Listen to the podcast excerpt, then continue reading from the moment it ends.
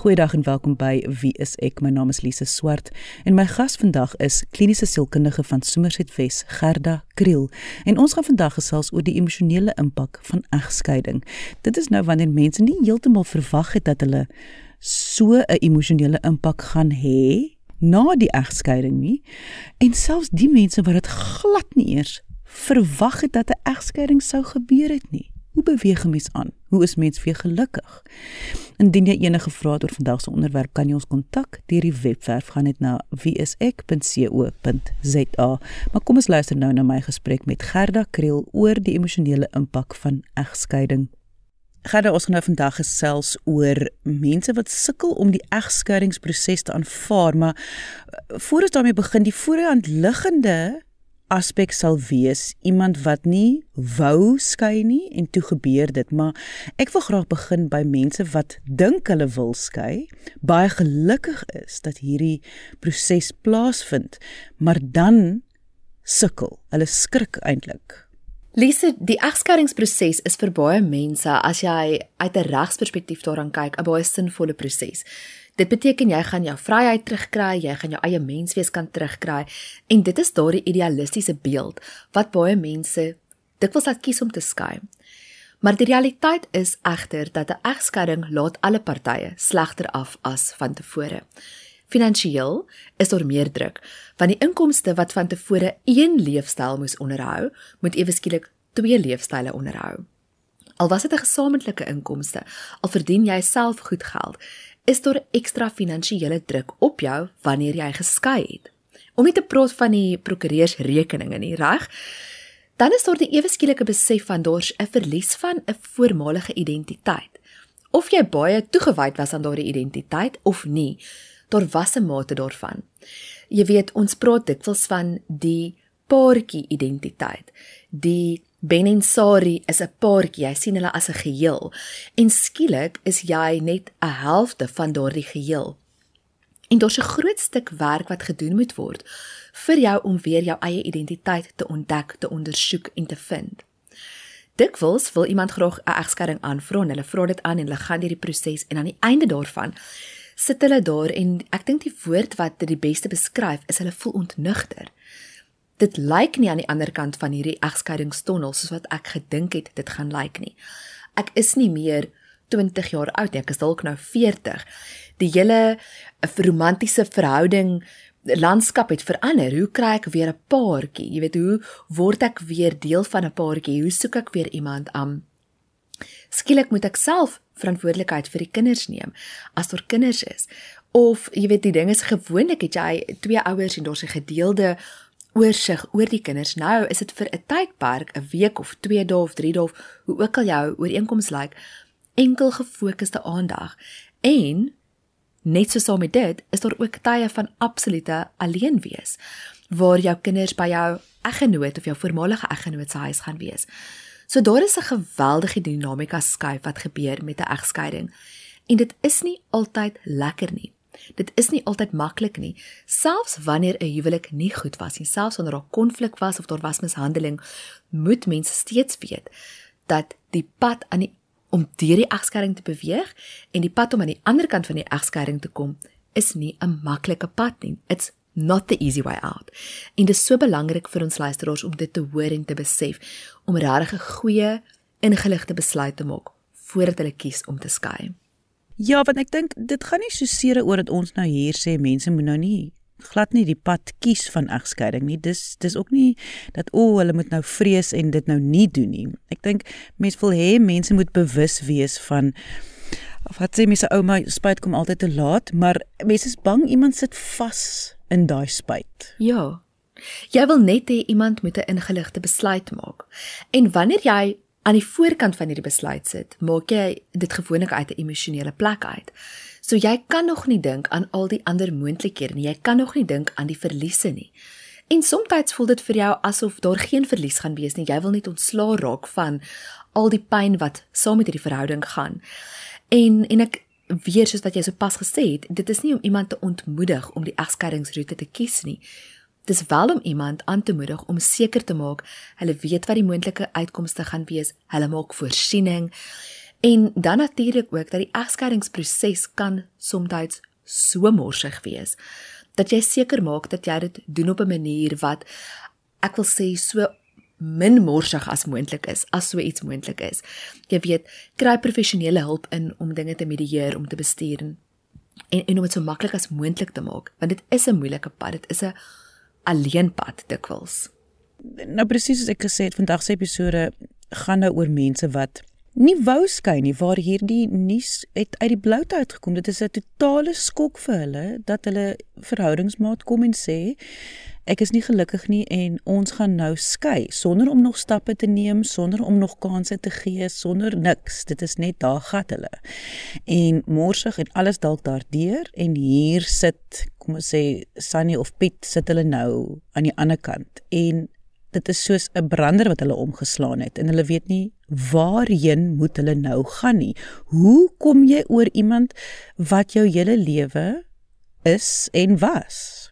Lise, dit is 'n geweldige groot stuk seer en ek sal vir jou sê dat ek heelwat mense in my praktyk sien wat daardeur is, waar 'n lewensmaat net eendag opgedaag het Somstyds gebeur dit so dat hulle gaan uit vir 'n lieflike aand, dis 'n romantiese ete en aan die einde van die aand sê die lewensmaat, "Ek wil met jou praat oor iets. Ek het eintlik iemand anders ontmoet en ek wil hê ons moet skei." Of ek is nie meer lief vir jou nie, ek wil hê ons moet skei.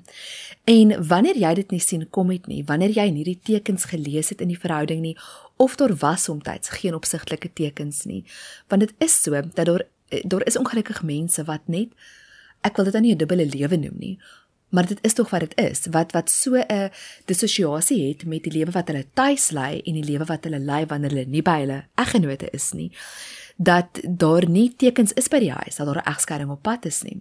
En daardie pyn dit is soos om dit is om nie 'n sê te hê nie. So die pyn is nie net die verlies van die verhouding en die leefstyl en die lewensmaat nie.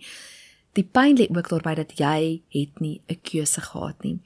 Ek sê altyd vir my kliënte dat 'n trauma wat absoluut geen ek wil sê jy het geen rol gehad daarin. You didn't have a say. Dit is onder jou uitgeruk, daai mat. Jy kan nie tot verhaal kom voordat jy nie 'n tyd apart gevat het, dit regtig in die oë gekyk het en prosesseer het nie. Dit veroorsaak dikwels komplekse trauma. Dit veroorsaak dikwels dat jy 'n baie lang rouproses het, 'n gekompliseerde rouproses het wat alles langer maak, wat die hele proses verstadig. Want jy was magteloos. Magteloosheid is die groot sleutel wat 'n egskeiding kompleks traumaties kan maak. Ek dink baie keer wat mense eh, vergeet van is dan uh, weerhouing, um ontneming. Dit val as as dit val mos onder 'n uh, uh, mishandeling. So jy as ek sê nie die ander persoon is besig om jou te mishandel nie. Ek sê jy ervaar, jou ervaring gaan wees soos mishandeling, soos jy sê dis 'n muur wat voor jou gesit word. Jy het geen sê daarin nie en jy moet nou net saam met dit gaan. En baie keer die woede en die die die ag al die emosies wat daarmee gepaard gaan, gaan 'n mens insluk dit is verstaanbaar, maar dit gaan jou insluk en ek wil met jou gesels gerda oor spesifiek dan die effek wat dit baie keer op die gesinne dan het as daar families is, ander familielede, kinders, al daai daai daai erge emosies wat mens dan ervaar. Ja, ek dink een van die groot goed wat gebeur is dat jy weet egskeiding is baie keer amper soos 'n atoombom wat hierdie hele sentrale familiesisteem kan laat ontplof jy weet jy die twee eggenote en dan sê hulle maar daar is dalk kinders. Net daardie kern word uitmekaar geskiet met 'n egskeiding. En dan het jy die ripple effekte daarvan waar want jy trou tog nie net met 'n persoon nie, reg? Jy trou met 'n uitgebreide familie. Jy trou met 'n skoonma en 'n skoonpa en swaars en skoonsusters. En en elke persoon gaan 'n ander reaksie hê op hierdie huwelik of hierdie wat wat hierdie huwelik wat eindig. En dikwels is dit amper jy weet, ek wil sê meer traumaties want jy is dalk die persoon wat glad nie hierdie egskeiding wou hê nie. Maar nou vra jou familie vir jou, wat het jy gedoen dat jou lewensmaat dit aanvra? Wat het gebeur? Hoekom is dit so? En jy weet dalk glad nie. Jy dink dalk jy het alles reg gedoen en miskien het jy binne jou konteks van van die huwelik alles gedoen wat jy moontlik kon. Ons is nie verantwoordelik altyd vir mekaar se keuses nie. Dis 'n baie moeilike besef vir mense om te besef. Maar dit gebeur, Lise, dat families uitmekaar skeer en ek praat van uitgebreide families. Soms as mense skei, hulle by my kom sit en sê, "Weet my ma en my pa het teen my gedraai in hierdie egskeiding. Ek staan heeltemal alleen." Maar ek kan nie verstaan nie want dit is dan sien maar my man wat 'n affair gehad het. Um hy het 'n buiteegtelike verhouding gehad en en nou het my familie my afgeskryf want hulle sê ek moes tog iets gedoen het wat hom soontoe gedryf het. Daardie mites, daardie goed wat ons vir onsself vertel, is dikwels dit wat families uitmekaar skeer, die oortuigings wat die ver langse familielede het oor hoe 'n verhouding werk, hoe 'n huwelik werk. En dikwels dink hulle hulle het insette in jou huwelik, in jou verhouding. So hulle sal ook kom en vir jou sê, "Maar ons het vir jou van die begin af gesê dit en dit en dit." En en niks van dit help nie. Jy weet, daardie dinge wat mense sê sonder om eintlik te dink aan die impak wat dit op jou het, dit help regtig nie. En mense kry ongelooflik seer. Dis 'n sekondêre trauma wat met egskeiding saamgaan. Is dat jou uitgebreide familie ook vir jou vertel dit was verkeerd om te skei of mense bring hulle geloofs-oortuigings daarby in en sê jy weet dit is 'n sonde om te skei of jy moet dit of dit so doen. Baie min mense kan regtig verstaan wat binne in 'n huwelik gebeur waar twee mense bymekaar 1 tot 1 is. En soos ek net nou gesê het, daar is mense wat so goed is daarmee om hulle self te dissosieer tussen hulle lewe wat hulle by die huis lê en hulle lewe wat hulle in hulle privaatheid weg van die familie af lê dat jy nie eers weet wat jou lewensmaat altyd mee besig is nie. Jy weet en ek sê dit nou en ek wil nou glad nie ons luisteraars met nou met groot vrees en wantroue na hulle lewensmaat toe teruggaan nie maar jy moet bewus wees daarvan dat 'n egskeiding dikwels uitkring gevolge het. En en dit kan jou mens wees, jou identiteit dikwels in die slag laat bly. Jy luister na Wes ek my gas vandag is kliniese sielkundige van Somerset Wes Gerda Kriel en ons praat vandag oor die emosionele impak van egskeiding. Indien jy enige vrae het, kan jy ons kontak deur die webwerf gaan net na wieisek.co.za of na wieisek se Facebookblad onder wieiseksa. Gaan jy kry baie mense wat briewe skryf en hulle sê dit dat hulle voel dit is onregverdig. Ek en en, en spesifiek daai woord onregverdig dat die verhoudingsmaat of die huweliksmaat het 'n keuse gemaak namens hulle en nou moet hulle sit met die pap op die grond. Hulle moet nou hierdie probeer oplos. Hulle moet probeer hulle emosies weer bymekaar bring. Hulle moet nou 'n hele nuwe lewe vir hulle self opbou. Hoe kom mens uit daai daai ek wil sê net van onregverdigheid en en neem dan die eerste stap in 'n rigting van genesing of aanvaarding of aanbeweeg? Lise, daardie pad gaan vir elkeen anders lyk. Like jy weet ek het in my ervaring al gesien hoe soms is dit asof mense na 'n egskeiding 'n soort van 'n renessans in hulle eie lewens ervaar 'n ontwaking 'n wakker word jy weet dat hulle sal sê ek het met in my huwelik met oogklappe deur dit gegaan ek het hierdie ding nie sien kom nie En nou besef ek ewe skielik dat ek is op myself aangewese en ek moet vorentoe beweeg. En daar kom vir hulle amper so 'n voortstuwing van energie en ja, ek dink energie is seker die beste woord om dit te beskryf, maar dis amper asof hulle skielik nuwe moed kry en hulle wil vorentoe beweeg. Hulle wil nie meer met oogklappe deur die wêreld gaan nie. Maar dan is daar mense wat daardie afval van die oogklappe is so ongelooflik ontnigterend dat hulle tyd nodig het om hulle self weer te leer ken, hulle self te koester en soms het hulle eintlik tyd nodig om net 'n bietjie eintlik wil ek sê alleen te wees. Miskien met die hulp van 'n terapeut of die hulp van 'n beraader, iemand met wie hulle net kan klankbord, kan dinge deurpraat. Goeie vriende kan natuurlik ook 'n rol speel, maar dat hulle net oor iets weer begin beheer neem. Want met 'n egskeiding wat uit die blou te kom, voel dit soos 'n maalkolk en jy word ingesluk en afgetrek en jy het geen sin nie. Jy moet maar net saam met hierdie stroom beweeg. Genesing is om te kan sê ek gaan weer 'n bietjie agentskap van my lewe neem. Ek gaan weer 'n bietjie vorentoe beweeg.